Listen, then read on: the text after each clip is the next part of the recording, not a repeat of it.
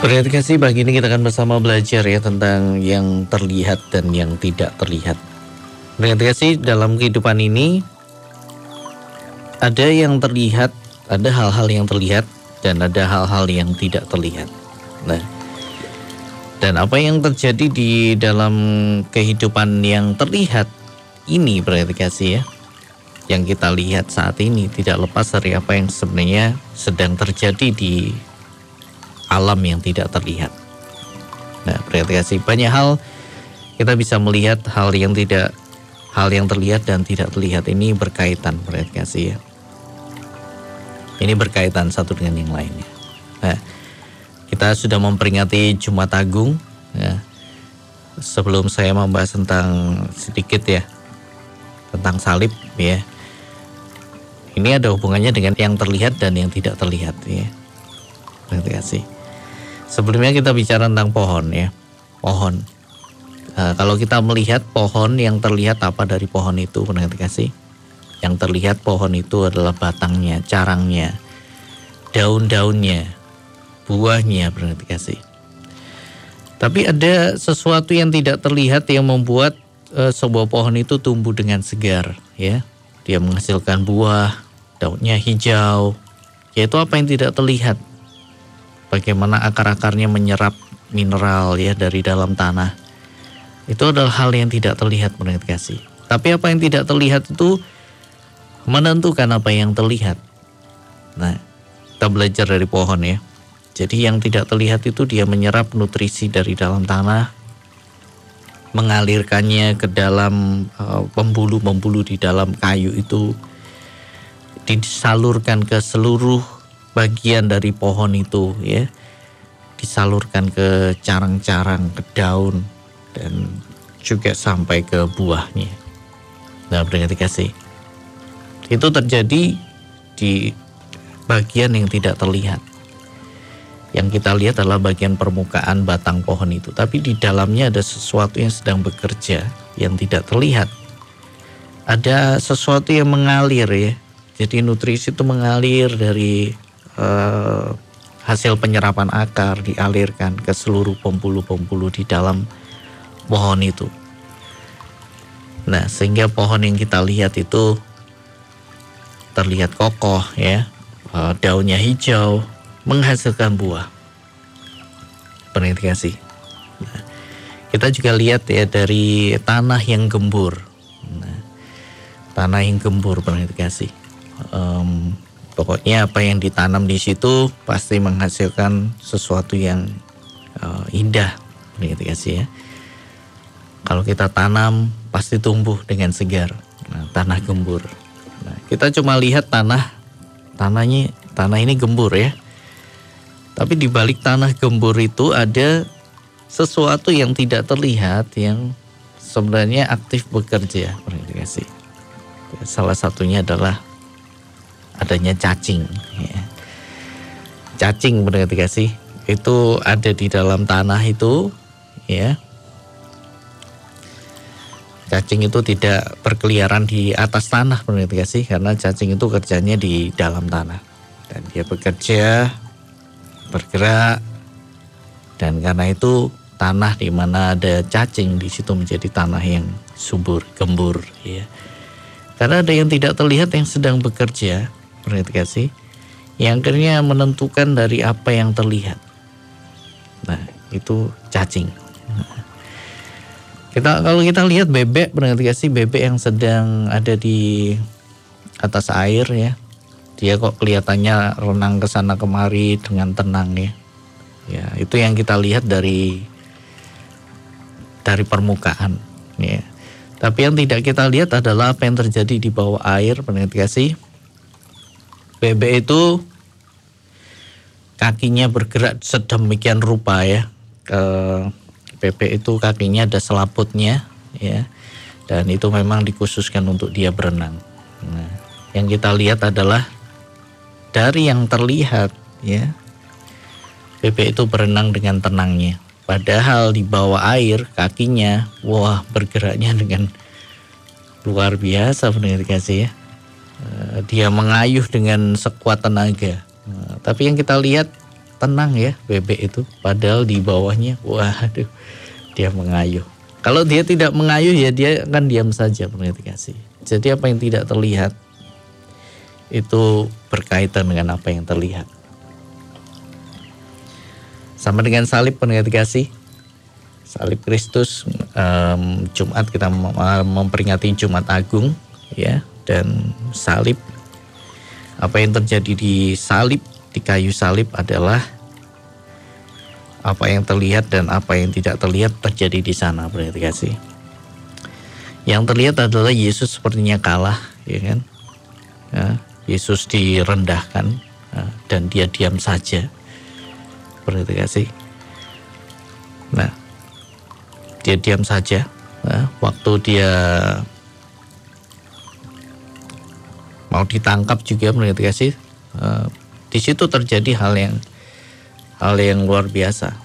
Nah, jadi di alam yang tidak terlihat ada sebenarnya pasukan malaikat yang bisa membebaskan Yesus ya.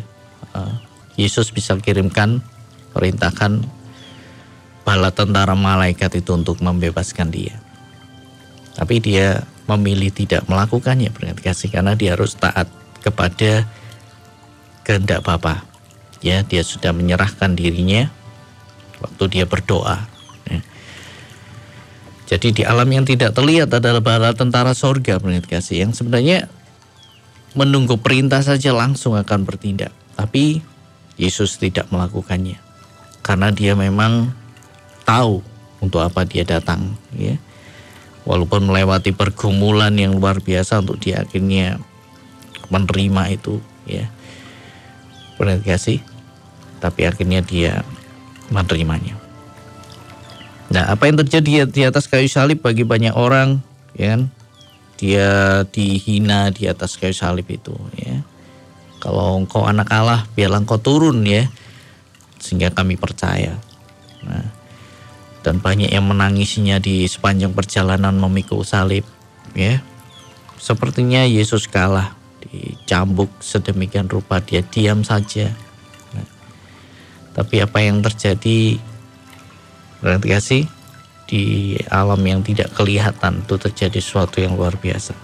Ketika Tuhan Yesus mati di atas kayu salib, bagi banyak orang ya Yesus kalah. Ya. Tapi di alam yang tidak terlihat justru Yesus sedang menang, ya, karena dia menanggung dosa manusia. Terima kasih. Sehingga setiap orang yang menerimanya menerima pengampunan dosa. Ya, di atas salib itulah dia sedang mendamaikan manusia dengan Bapa di sorga. Nah, itu yang tidak terlihat. Tapi bagi orang-orang yang tidak suka waktu itu, wah Yesus kalah. Rencana kita berhasil ya. Dia mati, benar kasih. Ya. Tetapi setelah kematian Yesus di situ terjadi gempa bumi yang luar biasa. Sehingga tirai bait Allah terbelah ya, menjadi dua. Terbuka ruangan yang selama ini terpisah oleh tirai. Dan ketika imam tahu itu ya orang-orang yang agamawi tahu itu dia mereka tahu apa itu artinya verifikasi nah itulah hal yang terjadi verifikasi bahwa apa yang tidak terlihat itu berkaitan dengan apa yang terlihat Nah, sama dengan situasi hari-hari ini pendengar kasih, apa yang terlihat sebenarnya yang terlihat ya hari-hari ini ada begitu banyak peristiwa uh, bagaimana orang meninggal ya karena sebuah wabah pandemi yang luar biasa. Tapi jangan lupa juga di alam yang tidak terlihat sebenarnya sedang terjadi sesuatu. Ya, kita mesti fokus juga. Nah, bukan kepada apa yang terlihat tapi apa yang tidak terlihat kasih. Nah, yang pasti yang tidak terlihat ya kita mungkin tidak mengerti hari-hari ini apa yang sebenarnya sedang terjadi. Tapi apa yang tidak terlihat menentukan apa yang terlihat. Nah, karena itu mari kita percaya bahwa penyertaan Tuhan tetap ada dalam kehidupan kita, kasih. Ya, kita tidak bisa mengerti sepenuhnya mungkin hari-hari ini, tapi satu hal yang perlu kita percaya bahwa penyertaan Tuhan yang tidak terlihat itu tetap ada buat saudara dan saya. Ya, karena itu kalau hari-hari ini kita sedang takut, ya, mari kita mulai melihat hal yang tidak terlihat, kasih. Nah, ada satu kisah yang saya percaya tidak asing buat Anda dan kita akan baca ya di dalam dua raja-raja pasal yang ke-6 ayat yang ke-8 dan seterusnya. Saya tidak akan baca semua, hanya beberapa saja. Berkata kasih. Dua Raja-Raja pasal yang ke-6 ayat 8 sampai yang ke-23. Nah ini ceritanya tentang peperangan antara negeri Aram, Raja negeri Aram dengan Raja Israel. Ya, ada peperangan. Jadi Raja negeri Aram ini selalu membuat siasat, strategi. Nah, tetapi anehnya berarti setiap dia mengatur strategi untuk menghadang ya orang Israel, ya, tapi ada sesuatu yang menggagalkannya yaitu adanya abdi Allah yang bernama Elisa. Nah, jadi Raja Aram pakai strategi apa? Mau menghadang di mana? Nah, Elisa memberitahu jangan lewat dari tempat itu ya karena orang Aram sudah turun menghadang ke sana. Nah, kemudian Raja Israel menyuruh ya, sesuai dengan yang diperingatkan Elisa. Nah, Elisa ini memperingatkan supaya berawas-awas bukan sekali dua kali saja. Jadi Raja Aram mengatur strategi bukan satu dua kali, banyak kali dan setiap kali dia mengatur strategi, strateginya selalu gagal. Akhirnya Raja Aram ini berpikir Eh, sepertinya ada yang memihak orang Israel, ada pengkhianat intinya seperti itu ya. Tapi pegawainya ya, orang yang bekerja kepada Raja Aram ini, pegawainya berkata ya, tidak tuanku raja, melainkan Elisa nabi yang di Israel, dialah yang memberitahukan kepada raja Israel tentang perkataan yang diucapkan oleh tuanku di kamar tidurmu. Jadi pegawainya ini memberitahu, bukan ada pengkhianat di antara kita ya tetapi karena ada seorang nabi di Israel yang memberitahu semua hal yang yang dikatakan dia Raja Aram ini di tempat tidurnya. Jadi semua strateginya itu diketahui oleh Elisa. Nah akhirnya Raja ini marah ya Raja Aram marah dan dia memerintahkan e, cari tahu ya di mana Elisa. Kemudian diberitahukan pada raja ini kalau Elisa ada di Dotan. Nah, maka raja ini mengirim ke Dotan ini untuk menangkap Elisa. Nah, menangkap Elisa ini menangkap seorang nabi ya.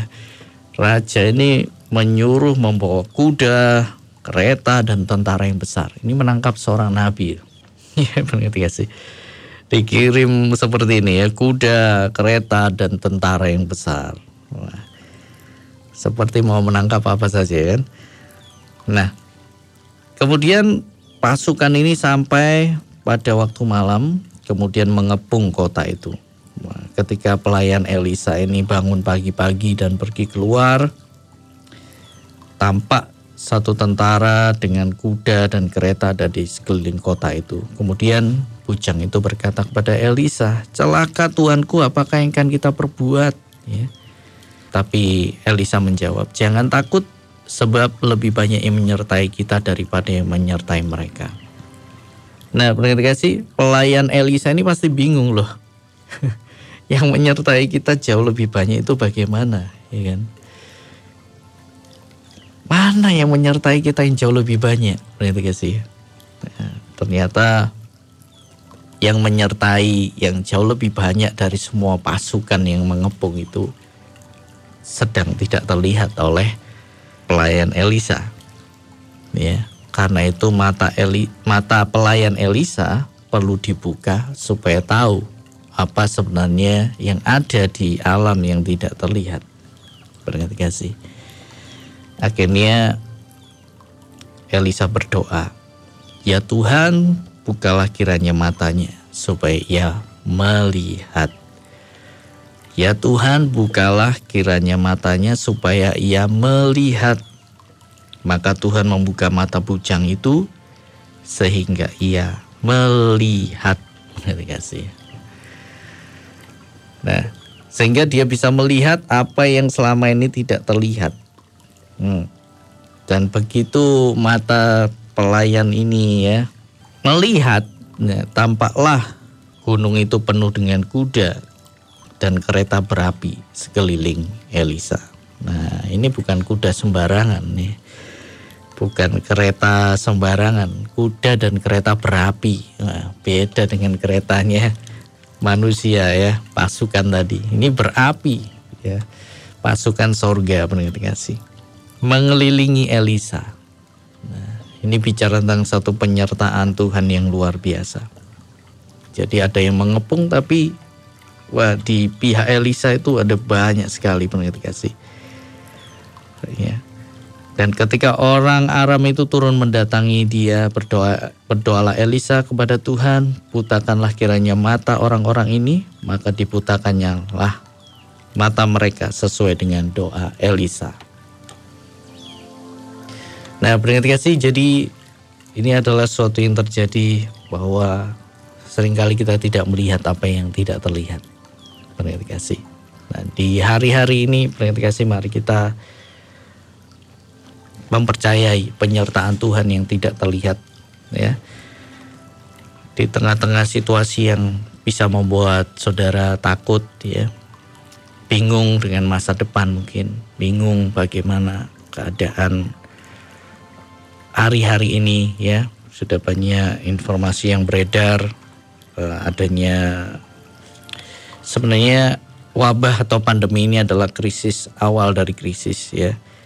Yang terjadi selanjutnya adalah resesi ekonomi. Nah itu sudah dibicarakan oleh dari pihak pemerintah ya kasih bahwa awal pandemi penyakit sakit penyakit ini adalah sebuah awal dari krisis. Nah, tapi ada krisis yang berikutnya itu resesi ekonomi, yaitu di dalam kehidupan ekonomi. Nah, berarti kasih apa yang terjadi ke depan kita tidak pernah tahu, tapi satu hal yang pasti, mari kita percaya bahwa penyertaan Tuhan tetap ada. Nah, yang tidak terlihat itu menentukan apa yang terlihat. Mari kita percaya Dia yang berkuasa ya, yang tetap sanggup memelihara kehidupan saudara dan saya. Berarti kasih. Nah, ada banyak hal yang sudah terjadi, banyak orang uh, mengeluh ya, banyak orang merasa tidak sanggup dengan apa yang terjadi hari-hari ini.